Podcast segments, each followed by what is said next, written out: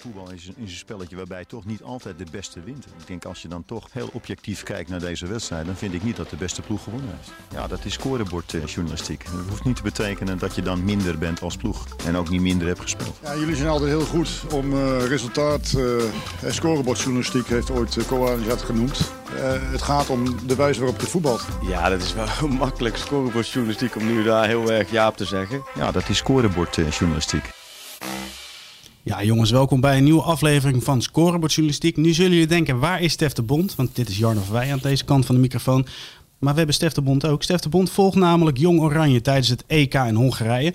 Ja, Stef, dat is voor ons de aanleiding om uh, de nieuwe aflevering van Scorebordjournalistiek nou ja, volledig in het teken te stellen van Jong Oranje.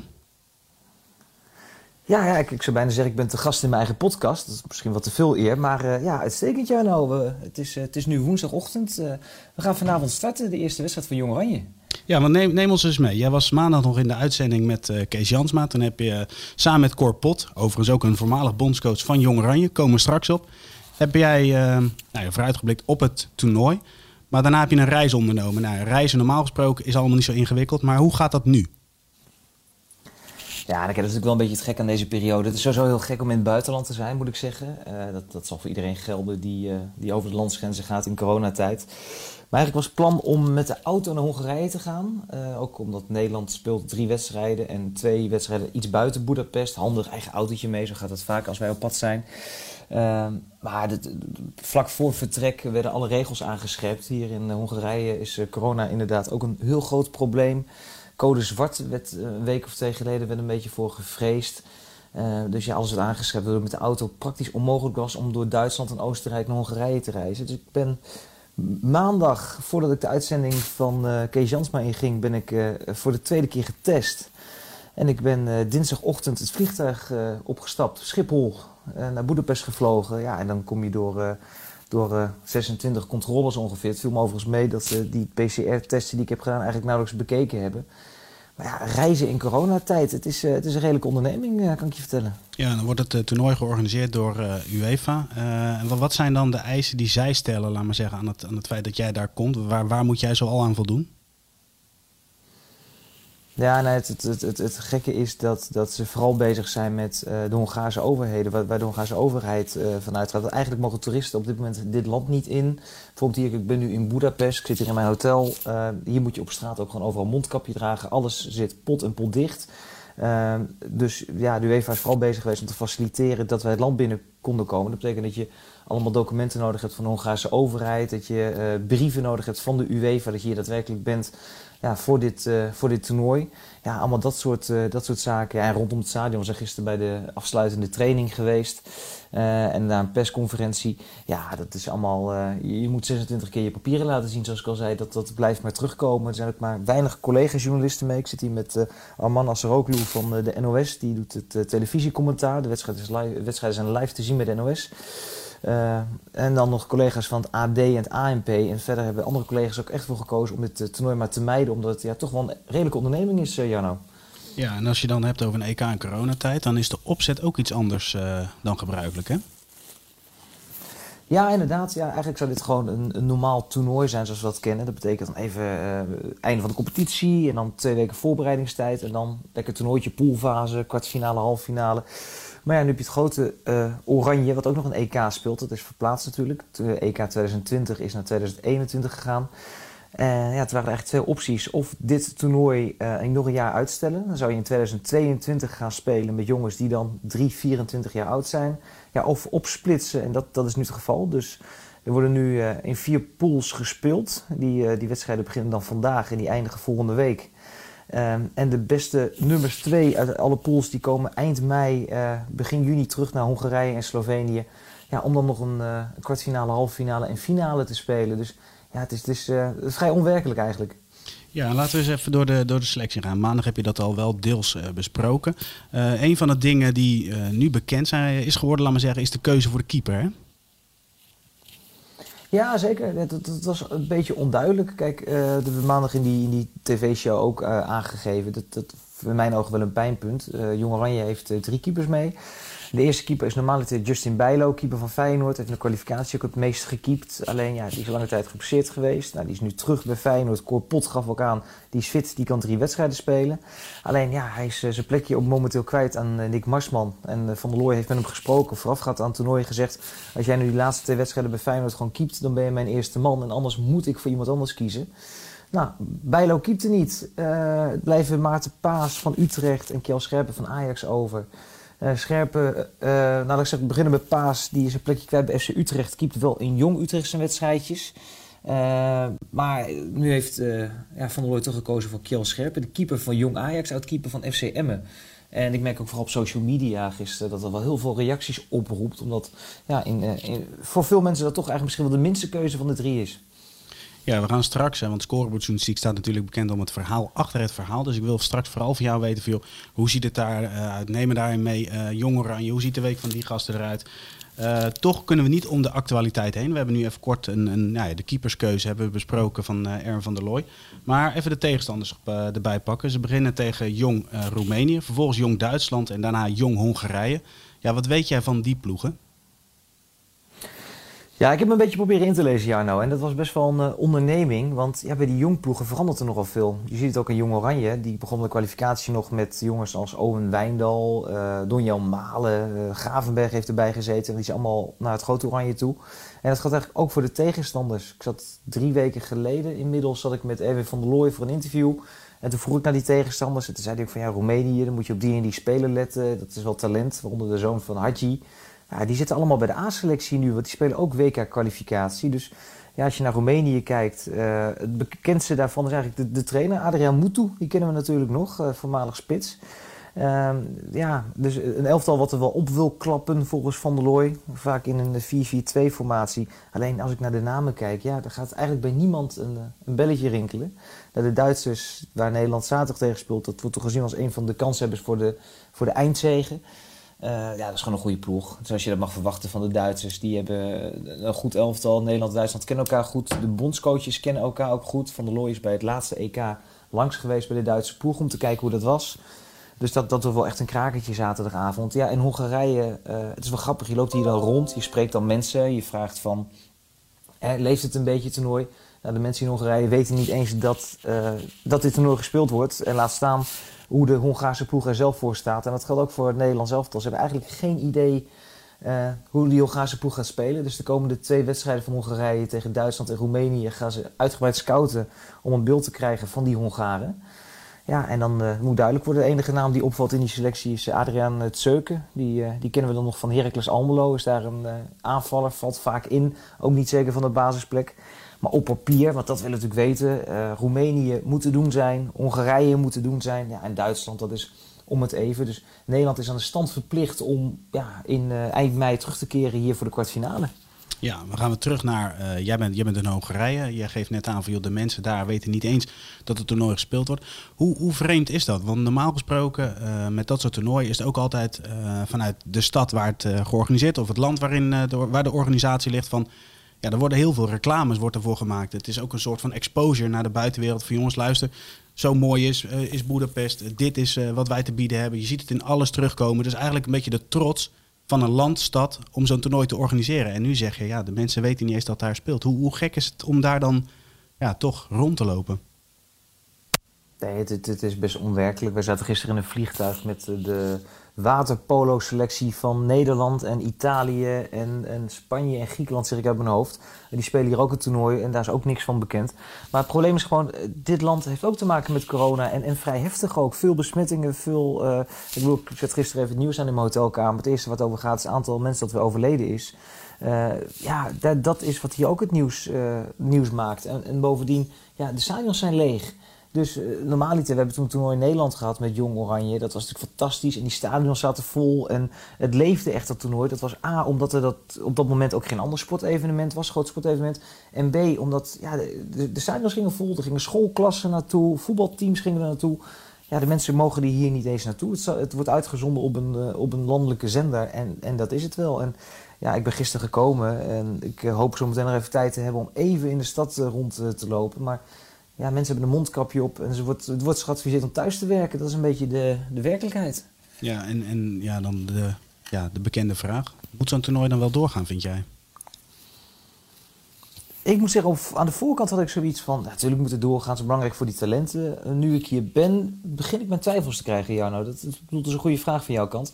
Ehm, ik vind dat er wel heel veel moeite wordt gedaan nu, ook, ook met, met testen en regelen... om een, een, jeugdtoernooi af te laten werken. En ik weet het, het is belangrijk voor de ontwikkeling van die jongens. En ze hebben ervoor gewerkt, ze hebben zich gekwalificeerd... Uh, aan de andere kant, de, alle toernooien daaronder, de onder 19, onder 17 zo, die zijn, zijn allemaal van het programma afgehaald. Uh, ja, het is nu toch een soort van een land wat in, lockdown zit, wat eigenlijk niks kan. Uh, maar wel een voetbaltoernooitje dat georganiseerd gaat worden. Ja, het, het, het, voelt wat dubbel. Maar dat is natuurlijk de hele discussie die ook in, in, in de wereld is. Van ja, de eredivisie ging wel door terwijl de rest van Nederland dicht zat. Ja, wij als voetballiefhebbers vinden dat fantastisch. Maar ik begrijp ook wel dat er mensen zijn die wat minder met voetbal hebben. Die zeggen van ja, uh, waarom gaat dat door? En dan is het tegenargument direct weer van ja, dat is dan op televisie. hebben de mensen wat, uh, wat te doen.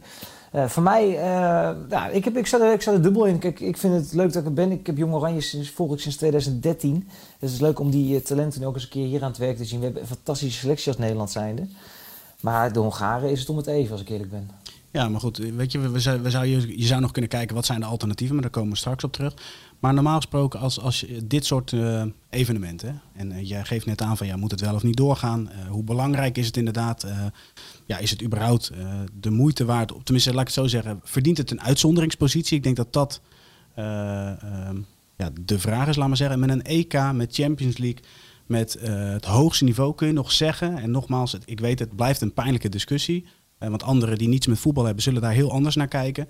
Maar daarvan kun je nog zeggen van oké, er zitten commerciële belangen aan, uh, clubs die wel of niet omvallen, het uh, vermaak en plezier van mensen. Nou, we weten allebei dat een, een jeugd-EK wordt wel bekeken, maar dat is in de verste werd niet te vergelijken met een eindronde nou ja, van het Nederlands zelf, zoals bijvoorbeeld of een, of een WK of een Champions League finale. Waarom zou het dan toch een uitzonderingspositie moeten zijn dat je dat toernooi door laat gaan?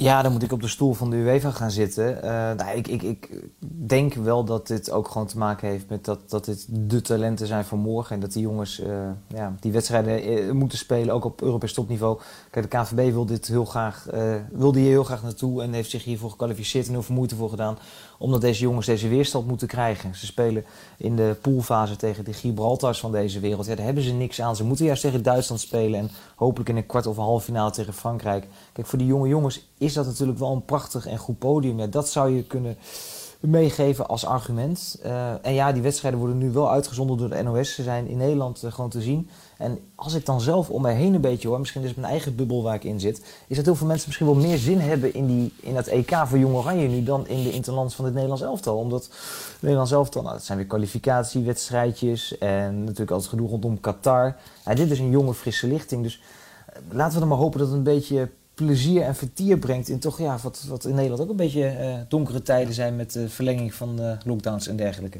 Ja, oké. Hey, laten we eens uh, terug in de tijd. Sinds 2013 is Jong Oranje niet op een eindronde geweest. Ja, hoe erg is dat eigenlijk voor de ontwikkeling? Nou ja, dat is, dat is best wel vervelend. Want het, zijn toch wel de. Kijk, je moet het zo zien. Dit zijn jongens, uh, jonger dan 20 jaar normaliter. Als ze beginnen, dan zijn het vaak jongens 19, 20, 21 jaar. Um, die spelen vaak in de eredivisie. En ook vaak best wel bij goede clubs. Je ziet nu ook best wel veel jongens van, van AZ, Ajax, nou van Feyenoord inmiddels, PSV. Maar in de eredivisie heb je leuke weerstand, maar je speelt ook wedstrijden tegen de kleintjes. Dit zijn wedstrijden uh, onder weerstand op Europees uh, niveau. Dat betekent dat je ook tegen Duitsland, tegen Engeland, tegen Spanje aan het voetballen komt. En dan worden gewoon andere dingen gevraagd. Leeftijdsgenoten die soms al wel wat verder zijn. Uh, andere tactieken, manieren van spelen. Uh, dus het, het, heeft best wel wat pijn gedaan, ook bij sommige talenten, dat ze die wedstrijden niet hebben gespeeld. Natuurlijk, dat kun je inhalen bij je club en het is ook geen, het is geen science dat we zeker weten dat uh, als je deze wedstrijden niet speelt, dat je minder ver komt in je carrière. Maar ja, het is altijd goed om wedstrijden onder, onder weerstand te spelen. En dan heb je nog de, de stap van jong oranje naar het grote oranje, wat ja, wat er ook wel vaak gekeken wordt, als je bij Jong Oranje goed doet, kun je die stap naar het Nederlands elftal maken. Dus daar zitten, daar zitten best wel pijnpunten aan. In het begin heeft de KVB dat nog een beetje weggekeken, maar de laatste jaren hebben ze wel heel bewust ingezet om er alles aan te doen om weer gewoon op zijn eindtoernooi mee te kunnen spelen. Ja, en wat is er dan zoal gebeurd om dat voor elkaar te krijgen?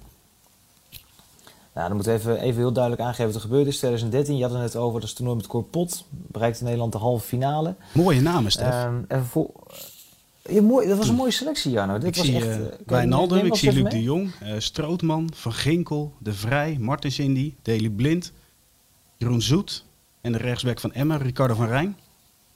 Dit is echt een, Ja, een ja. heel aardig elftal. Met ook jongens die uiteindelijk gewoon international zijn geworden.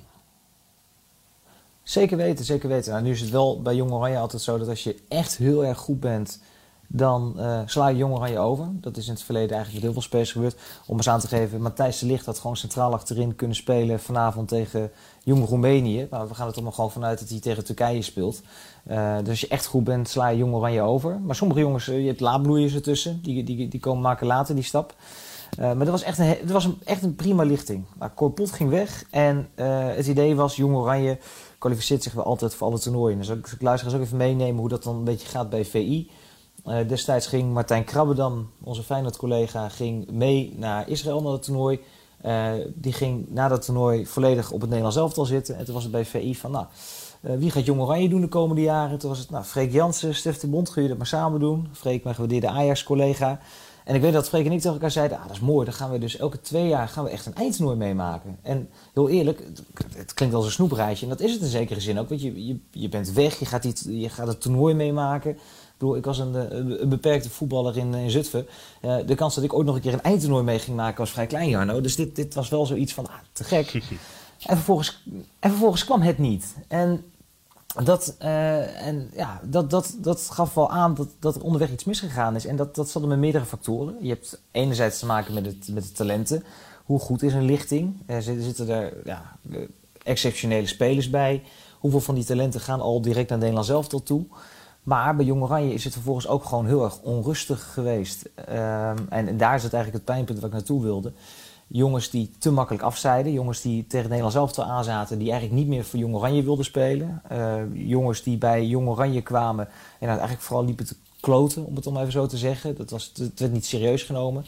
Dat je de KVB zelf nog die trainers aanstelde die eigenlijk vrij snel weer weg waren.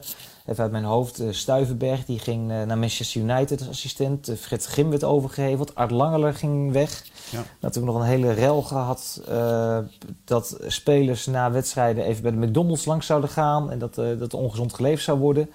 Eh, ze misten gewoon een aansluiting, eh, de KVB, met deze generatie. Hoe, hoe zorg je ervoor dat deze jongens trots zijn om in onder 21 te spelen? Hoe maak je daar een serieus elftal van? In Italië en in Portugal en Spanje is het echt is het trots. De trots is gewoon groot om in het elftal te mogen spelen. En in Nederland was dat op een gegeven moment niet meer.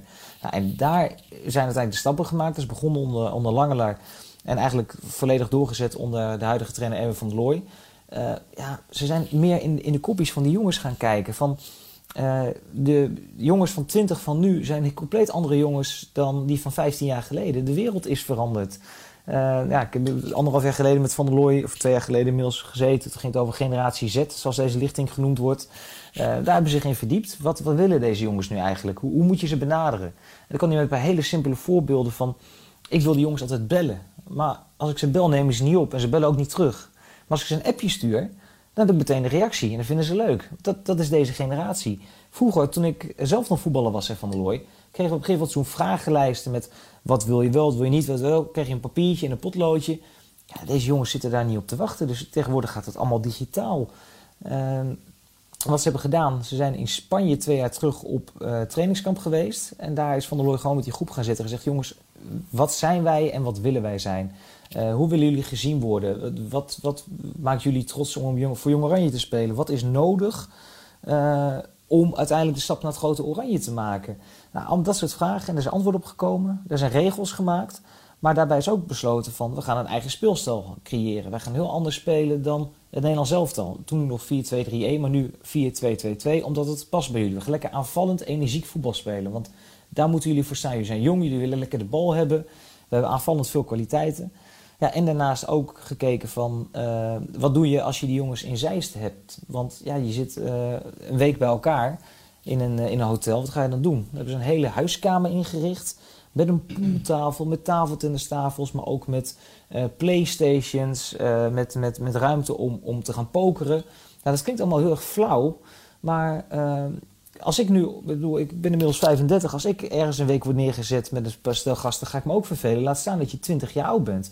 Dus ze zijn echt heel goed gaan kijken ook naar hoe gaan we ervoor zorgen dat die jongens als ze hier komen ook zo'n gevoel krijgen van dat is lekker. Hoe betrekken we ze erbij? Niet dat ze allemaal alleen maar op een hotelkamertje gaan zitten en een beetje gaan appen, Instagrammen en, en daar gaan gamen. Maar dat ze allemaal bij elkaar komen. En dat is echt wel gelukt de laatste jaren. Ja, ik vind het interessant. Ik wil straks eens jou terugkomen op die afspraken waar je het over had en over de speelwijze. Maar een van die dingen, want jij zegt uh, dat de vraag is gesteld van, joh, hoe wil je dat mensen naar jullie kijken? Zijn dat dan ook een van die dingen dat uh, bijvoorbeeld de docu-serie uh, Jong Oranje opent de deuren, prachtige serie om te volgen. Is dat dan ook een onderdeel daarvan om te laten zien van jongens, luister, zo werken wij, zo zijn deze jongens van tegenwoordig en zo willen ze ook ja, gezien worden? Je zet eigenlijk een merk ja, neer. Is zeker. Het, is een merk geworden en daardoor, het, het versterkt alle kanten. Hè? Want de buitenwacht gaat ze zien en, en ziet hoe ze daadwerkelijk zijn. En voor de jongens zelf is het dan ook weer een soort van trots van... hé, hey, ik ben daar onderdeel van, ik hoor erbij. En dat is positief en daar wil ik bij horen, dus, dus zo werkt dat. Um, ja, en, en ja, een beetje het vooroordeel wat er aan deze jongens plakt is van... ja, dat zijn, het zijn een beetje arrogante ventjes. Het zijn gasten van 20, 21 jaar die in sommige gevallen al 4, 5 ton per jaar verdienen... die in iets te dure auto's rijden en iets te mooie kleding aan hebben... Uh, maar uiteindelijk zijn het natuurlijk gewoon uh, ja, jongvolwassenen. Jongens die de wereld moeten ontdekken, die allemaal nog hun fouten gaan maken. En, en die op weg zijn volwassen te worden, alleen dan wel in de spotlight. Nou ja, door die documentaire reeks hebben we wel een, wat, wat meer beeld gekregen van hoe die jongens zijn, hoe ze met elkaar omgaan. Uh, ik wil het ergens in een van die eerste afleveringen, zie je hele moeilijke handshakes tussen Wijndal, Boadu en, en met koopmijners erbij.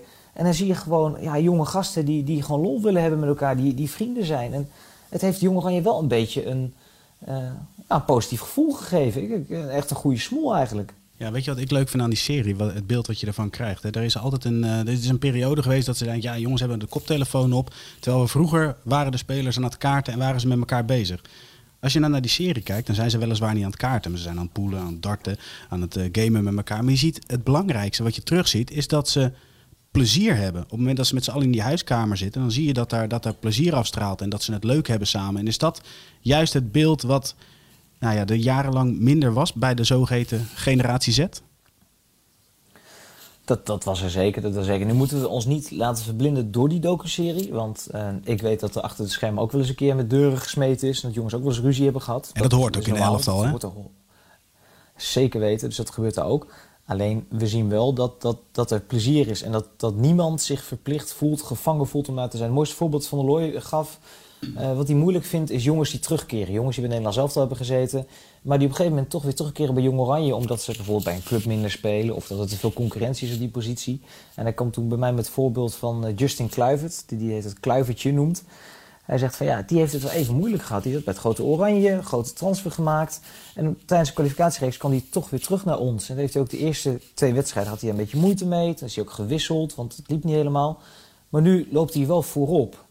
Dus uh, je kunt je voorstellen, het is heel erg lastig als jij denkt dat je A-international bent. En jij vindt dat je in een, uh, in een kleedkamer met, met Matthijs de Ligt en Frenkie de Jong hoort. En je komt in, in een elftal met, uh, ik hoef geen namen te noemen, maar je kan ze zelf invullen met Kjell Scherpen, Ludovic Reis en dat soort jongens. Ja, dat is even anders. Dat is even toch een soort van degradatie. En toch, omdat die jongens nou, toch dat plezier vinden en ook, ook in de speelstijl, de manier van werken en in de resultaten, ja, kunnen ze die knop omzetten. Ten Koopmeiners was ook echt niet amused dat hij, dat hij nu niet bij Nederlands elftal zat. hij heeft het netjes uitgelegd, maar in de basis was hij nog wel wat bozer hij wil gewoon met Oranje mee naar het EK, met grote Oranje. En hij is nu eigenlijk vanwege uh, zijn kwaliteiten en zijn leeftijd... is hij nu eigenlijk teruggezet naar Jong Oranje... omdat hij zo ontzettend belangrijk daar is. Maar ja, Teun Koopmeiners heeft ook zijn eigen carrière. En die heeft zoiets van... Uh, ik wil elke dag trainen bij Frank de Boer en ik wil me daar bewijzen. En mee in de baas spelen bij het grote Oranje en komende zomer daar spelen. Uh, maar hij is er nu wel weer bij. En ik heb hem gisteren nog even kort gesproken. En dan merk je toch dat hij de knop omgezet heeft. Hij heeft een aanvoerdersband om zijn arm. En die gaat het gewoon, uh, gaat het gewoon doen. En tuurlijk, diep van binnen zal hij nog balen. Maar het is ook niet... Uh, ja, dan moet ik altijd denken aan, Arco, onze collega van de Pak Schaal podcast. Die komt altijd met die hele mooie voorbeelden komt die aan. Uh, maar het, het, is niet dat je zeg maar bij... dat je verkering hebt gehad met het mooiste meisje van de klas... en vervolgens de rest van je leven alleen blijft. Je krijgt een ander leuk vriendinnetje. Kijk, Arco gaat me nu hard uitlachen. Die heeft veel mooiere voorbeelden. Maar je begrijpt wat ik bedoel. Het is niet meer een absolute degradatie. Het is niet meer dat je van, van de top naar het allerslechtste punt toe gaat. En, en dat hebben ze goed voor elkaar gekregen bij Jong Oranje. Ja, maar wat mij dan vooral uh, interesseert, Stef. Uh, voorheen werd Jong Oranje gezien als een opleidingselftal. Maar nu jij dit zegt, dan lijkt het steeds meer dat het gewoon een prestatiegericht elftal is. Nou, dat is het grote discussiepunt wat nu gaande is in Nederland als het gaat om Jong Oranje. Is dit een opleidingsteam? Is dit een prestatieelftal? Even van der Looy is er vrij duidelijk over. Hij vindt Jong Oranje geen opleidingselftal. Uh, Jong Oranje is een prestatieteam omdat die jongens naar een eindtoernooi moeten en daar tegen de beste tegenstanders moeten spelen. Dus op dit moment moet Jong Oranje gewoon presteren. En dat is ook de reden waarom iemand als Mo Iataren nu niet opgeroepen is. Mo Iataren heeft de hele kwalificatiereeks niet bij Jong Oranje gezeten. Kent de manier van spelen van PSV 4-2-2-2, maar niet zoals Van Looy dat invult en ook niet de werkwijze in de groep. Ja, Van Looy kiest dan liever voor jongens die er wel bij hebben gezeten en, en weten hoe het werkt. Want hij is op zoek gegaan naar het elftal waarvan hij denkt dat de grootste kans is om het toernooi te winnen. En dat was in het verleden wel anders. We hadden met z'n allen gezegd, uh, Jong Oranje had nu met Mo Iataren en, en Frimpong en uh, Struik, we kunnen best wel wat jongens opnoemen die er niet bij zijn naar dit toernooi moeten gaan. Ja, Van Looy kiest voor, voor het elftal op dit moment. En wat je daar precies van vindt, dat, dat is aan een ieder. Ik denk dat, dat het voor deze jongens heel goed is als zometeen een kwartfinale of halve finale gaan voetballen tegen pakweg Italië of Frankrijk. Ja, maar en zal de boer daar ook hetzelfde over denken? Want de boer zal misschien denken, joh, Mo, is in potentie een van de beste voetballers die we hebben. Op het moment dat hij een eindtoernooi nu al meemaakt, dan kan ik daar baat bij hebben bij het, nou ja, misschien wel het WK in Qatar.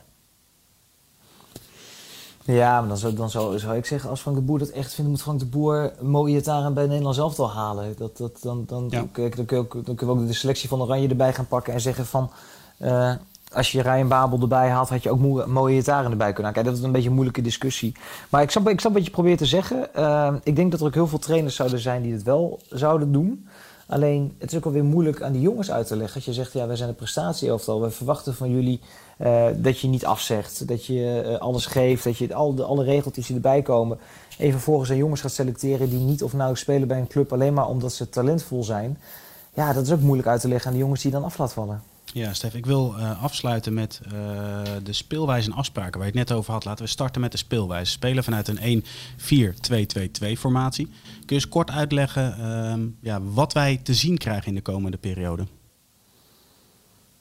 Het idee is, en de uitwerking, dat, dat moeten we zien natuurlijk, Jano. Maar de, het idee is dat we een heel aanvallend uh, jong oranje gaan zien. Een elftal wat heel graag de bal wil hebben, dat heel hoog druk gaat zetten. Uh, ja, en, en, en aan de bal, uh, ja, een beetje vergelijkbaar met PSV. Het is iets andere manier van druk zetten, maar laten we niet te diep erop ingaan. Je mag het zo zien, vier verdedigers, twee controleurs ervoor. En dan twee halftienen, dat heb ik geleerd van uh, collega Pieter Zwart. Dat zijn zeg maar eigenlijk wat vroeger de buitenste middenvelders zouden zijn. Die komen nu naar binnen. Die, uh, die moeten een beetje tussen de linies spelen, een beetje op de tien. En dan twee diepe spitsen. En het idee is eigenlijk zo snel mogelijk de bal veroveren en zorgen dat je die twee voorsten die veel diepgang hebben in, in stelling kan brengen. Waarbij eh, de backs er overheen mogen komen. Dat, dat, dat Zeefuik is dat aan de rechterkant. Speler van Hetta. Op links is dat waarschijnlijk Mitchell Bakker van Paris Saint-Germain. Uh, en die krijgen dan ook de ruimte omdat die, ja, die middenvelders dus iets wat naar binnen staan. En ja, wat Van der Looy zegt, dit is een jong energiek elftal. Ik, uh, balbezit is leuk, maar we willen eigenlijk uh, ja, naar voren toe. Dus uh, niet honderd keer eindeloos die bal achterin rondspelen. Dan maar een keer de bal verliezen, omdat we een risico nemen in de paas en nog zo snel mogelijk terug veroveren. Ja, dat, dat is een beetje waar Jong Oranje in de kwalificatiereeks voor stond. ik heb ook gevraagd hoe is dat op een eindtoernooi. Stel dat je tien minuten voor tijd de 1-0 voor staat tegen Duitsland. Hij zegt, ja, ik hoop, en zo gaan we dus ook echt coachen vanaf de kant, dat, dat die intentie hetzelfde blijft. Want ja, dat is ook een van de manieren waarop Jong Oranje probeert uh, ja, het publiek voor zich te winnen. Dat is met de speelstijl de manier van voetballen. Dus uh, we gaan het zien hoor, op het toernooi is altijd anders. Je bent ook afhankelijk van de tegenstander. Maar uh, ja, als je dan ziet wat, wat Oranje in aanvallend opzicht kan brengen, ja, dan is dat ook best wel veel. Dus dan, dan mogen we veel voor doel verwachten. Nou, we gaan het in de gaten houden. En de, tot slot de afspraken. We hadden het over uh, dat ze wat meer vrijheid, dat er gekeken werd van wat gaat er in hun kopjes om. Um, als ik denk aan een eindtoernooi en afspraken, dan komen eigenlijk een beetje de oude verhalen van Van ook binnen dat het bovenste knoopje dicht moet zijn, dat je de juiste sokken aan moet, dat je op tijd uh, aan, het, aan het ontbijt zit. Ja, hoe zien die afspraken eruit bij Jong Oranje? Nou, ik weet niet hoe ze expliciet voor het EK zijn. Zoals ik zei, ik ben gisteren aangekomen. Dat ga ik deze week vast nog wel horen. Maar uh, het, is, het is heel dubbel. En dit, dit is een hele moeilijke. En dat, dat heeft Van der Looy heeft er ook echt moeite mee gehad. Dat geeft ook aan een interview deze week in VI. Ook een VI Pro vandaag. Uh, hoe ga je met die jongens om? Van der Looy is van nature heel van de structuur. We kennen hem nog als, als trainer van FC Groningen, Willem II. Uh, jongens moesten uitvoeren wat hij wilde. Dus dat was op het veld. ik verwacht van een rechtsback dit, dit en dit. En als je het niet uitvoert, doe je het verkeerd. Maar hij heeft nu wel geleerd van ja, ik heb ook te maken met jonge creatieve spelers. Die ik soms iets meer vrijheid moet geven, want dan kunnen ze excelleren. Denk bijvoorbeeld aan een, een Noah Lang bijvoorbeeld in deze selectie. Is een jongetje die te veel opdrachten meegeeft. Heeft hij bij Ajax ook mee te maken gehad. Uh, ja, dan wordt het moeilijk in zijn kopie. Uh, dus je moet hem soms ook net die vrijheden meegeven om hem iets anders te laten doen. En, en dat is een heel dun lijntje, daar, daar zoekt hij naar. En dat is buiten het veld ook. De bovenste knoopje dicht, daar geloof ik uh, bij Jong Oranje niks van. Ik denk dat je die jongens dat ook niet moet laten doen. Ik denk dat als die jongens lekker in de kleedkamer muziek willen draaien... en dat soort dingen, dat, dat ook gewoon gebeurt. Alleen afspraken nakomen als in op tijd zijn, ja, dat is belangrijk. Uh, Boadou heeft er wel eens naast gezeten bij Jong Oranje... omdat hij twee keer te laat was. Um, ik ga even verder denken wat ik nu nog, wel nu nog te binnen schiet. Nou, Noah Lang, goed voorbeeld, is op een gegeven moment twee wedstrijden niet geselecteerd geweest voor Jong Oranje. En wat was de aanleiding? Hij, twee wedstrijden uh, viel hij niet in. En dan was hij heel erg teleurgesteld. En heeft hij zich kennelijk op een manier geuit waarvan Van der Looy dacht van ja, je mag teleurgesteld zijn, maar dit beïnvloedt het groepsproces. De rest heeft er last van. En dat mag, dat mag niet gebeuren. En dat is die, dat, dat is die scheidslijn, van je moet aan de ene kant uh, regels hebben, want zonder regels kom je er niet. En zeker iemand als Van der Looy is daar wel mee bezig. En tegelijkertijd moet je ervoor zorgen dat je ze niet te veel regeltjes meegeeft. Want dan krijgen ze een beetje een, middelbare schoolgevoel. En daar, hebben ze geen zin in. Die jongens willen plezier maken, leuk maken met elkaar. Het zijn, het zijn allemaal vrienden. Ze hebben jarenlang samengespeeld. Uh, lang zou ik tegen mij, we, hebben een gruwelijke selectie. We kunnen hier oprecht winnen. Die jongens kennen elkaar. Nou, Kluivert en Lang zijn vrienden. Zeevakker Reis zijn vrienden. Je hebt, die hele Ajax-groep. Nou, de Feyenoorders zijn die ook samen. De jongens van AZ, die kennen elkaar natuurlijk ook al jaren. Het, het is echt het is een, een, een vriendenclubje. Dus een vriendenclubje die je wat vrijheid moet gaan geven. Maar soms ook wel even op de regeltjes moet wijzen. Maar dan zou je bijna zeggen, geen hele strikte regels, maar vooral afspraken en commitment. Ik, ik, denk, ik denk dat als dat Erwin van der Looy dit hoort, die denkt van... God, die Jarno Verwij, die haal ik erbij volgende keer bij onze bij onze staf. Want dat is precies hoe hij het eigenlijk bedoelt. Uh, regels is misschien te groot woord. Het zijn afspraken, commitment, niet zo makkelijk meer afzeggen. Het is ook heel makkelijk geweest in de kwalificatiereeks. Vroeger was het zo als jongens zich uh, afzeiden en het gebeurde nog wel eens. Dan werden ze de keer daarna gewoon weer opgeroepen van ja, het is het grootste talent, we erbij hebben. Als nu een jongen uh, klaagde dat hij, dat hij een pijntje had, dan moest hij naar Zeist komen, moest hij zich laten testen. En pas als de medische staf van Jong Oranje zei van je bent niet fit genoeg, dan kon hij terug naar de club. Het was niet meer zo heel makkelijk van een belletje of een appje van trainer. Ik ben er niet bij, sorry, veel succes. Het is graag of niet. En dan hebben we nog heel veel andere talenten. Commitment, daar, daar is wat om draait. En dat heeft deze groep ook naar dit EK gebracht. En volgens mij is dat ook uh, ja, de manier om op dit EK heel ver te komen. Dankjewel, Stef. Dan uh, ja, rest uh, mij jou veel succes daar te wensen. En uiteraard, we gaan updates maken, Stef, via audio. Ook op YouTube zijn ze te zien. Ja, nee, het is, het, is een, het is een lekker weekje. We zijn, uh, we zijn goed bezig. VI Pro staat inmiddels vol. Uh, we komen natuurlijk met updates op eh, vi.nl. Het magazine we een mooi thema-nummertje over jonge rijden. Met, veel verhalen ook. collega's die hebben geschreven over de, de, andere talenten die we daar zien. Maar ook een verhaal met Cor Pot over dat toernooi in 2013 van Martijn Krabbedam. En wat jij zegt, we zullen zeker nog wat op YouTube gaan doen. We zullen via audio zeker nog wat, wat oppakken. Want ja, de KVB neemt het serieus, de Hongaren misschien niet, maar, uh, wij bij VI wel, dus uh, we blijven volgen. Voetbal is een, is een spelletje waarbij toch niet altijd de beste wint. Ik denk als je dan toch heel objectief kijkt naar deze wedstrijd, dan vind ik niet dat de beste ploeg gewonnen heeft. Ja, dat is scorebordjournalistiek. dat hoeft niet te betekenen dat je dan minder bent als ploeg en ook niet minder hebt gespeeld. Ja, jullie zijn altijd heel goed om uh, resultaat. Uh, scorebordjournalistiek heeft ooit uh, dat genoemd. het gaat om de wijze waarop je voetbalt. Ja, dat is wel makkelijk scorebordjournalistiek om nu daar heel erg ja op te zeggen. Ja, dat is scorebordjournalistiek.